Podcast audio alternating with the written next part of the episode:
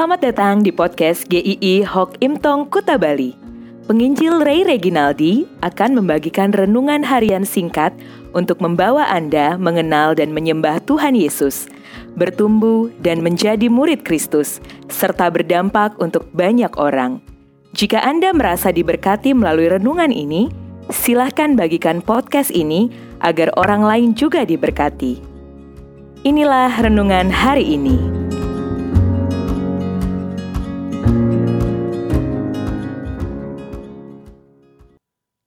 Hadiah. Yesaya 9 ayat 5. Sebab seorang anak telah lahir untuk kita. Seorang putera telah diberikan untuk kita. Lambang pemerintahan ada di atas bahunya dan namanya disebutkan orang. Penasehat ajaib, Allah yang perkasa, Bapa yang kekal, Raja damai.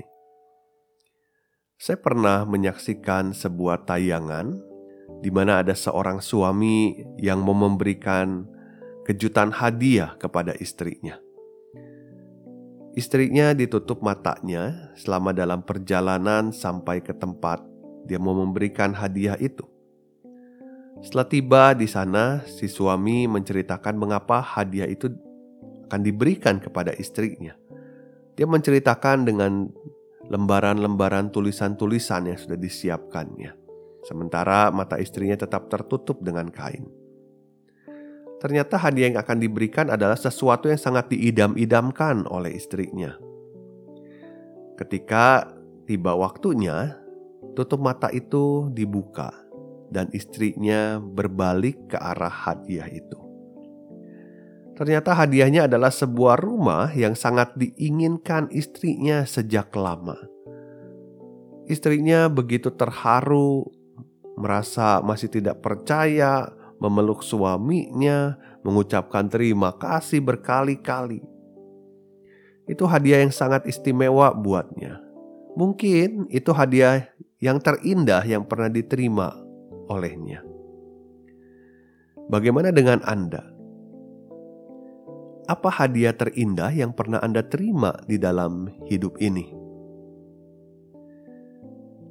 Saudara, jika kita memahami pemberian terindah dari Tuhan, kita pasti tidak akan habis-habisnya mengucap syukur. Di dalam situasi yang sulit dan tampak muram, bangsa Israel menerima firman ini. Sebab seorang anak telah lahir untuk kita, seorang putera telah diberikan untuk kita.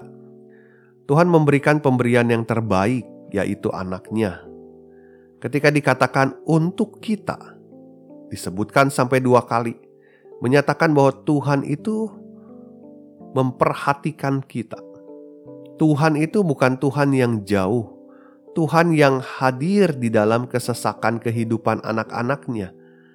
Tuhan tidak membiarkan anak-anaknya berjuang sendiri di dalam pergumulannya, namun Dia turun dan menyertai, seperti ayat yang mungkin sudah lama kita hafal. Karena begitu besar kasih Allah akan dunia ini, sehingga Ia telah mengaruniakan anaknya yang tunggal, supaya setiap orang yang percaya kepadanya tidak binasa, melainkan beroleh hidup kekal. Kehadiran Tuhan Yesus di dalam dunia ini, karena Allah begitu mengasihi manusia, pemberian yang terindah untuk setiap kita. Tuhan Yesus telah lahir untuk kita setiap kita yang tidak dapat menyelamatkan diri sendiri, setiap kita yang ada dalam belenggu dosa, setiap kita yang tidak punya jaminan akan kehidupan kekal, setiap kita yang seharusnya dihukum. Tuhan Yesus memberikan dirinya supaya hidup kita tidak pernah sama lagi. Kita mempunyai hidup, kita mengerti tujuan hidup, kita memiliki pengharapan. Pemberian yang terindah dari Tuhan bukan kekayaan, bukan kesehatan, bukan keluarga, bukan kepintaran, dan lain-lain. Tetapi Tuhan Yesus itu sendiri pemberian terindah dalam hidup kita. Ini adalah pemberian yang sangat istimewa karena tidak ada seorang pun yang layak dan mampu memperolehnya. Kau tidak dianugerahkan Tuhan sendiri. Setiap Natal biasanya akan ramai dengan tukar kado. Kita juga mungkin rutin melakukannya di hari Natal. Kita memikirkan kado apa yang terbaik untuk teman, saudara, atau kerabat. Tetapi pernahkah Anda berpikir, apakah saya sudah mempersembahkan hidup saya yang terbaik untuk Tuhan? Semua hal yang kita kerjakan, kita lakukan, kita bicarakan, kita pikirkan, apakah sudah dipersembahkan semua untuk Tuhan?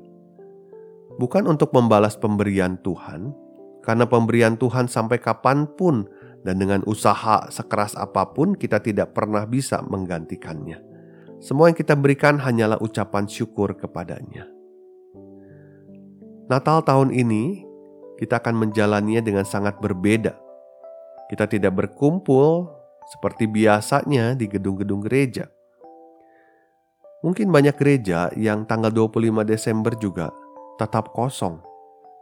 Tetapi ingatlah selalu bahwa hidup kita tidak pernah kosong lagi.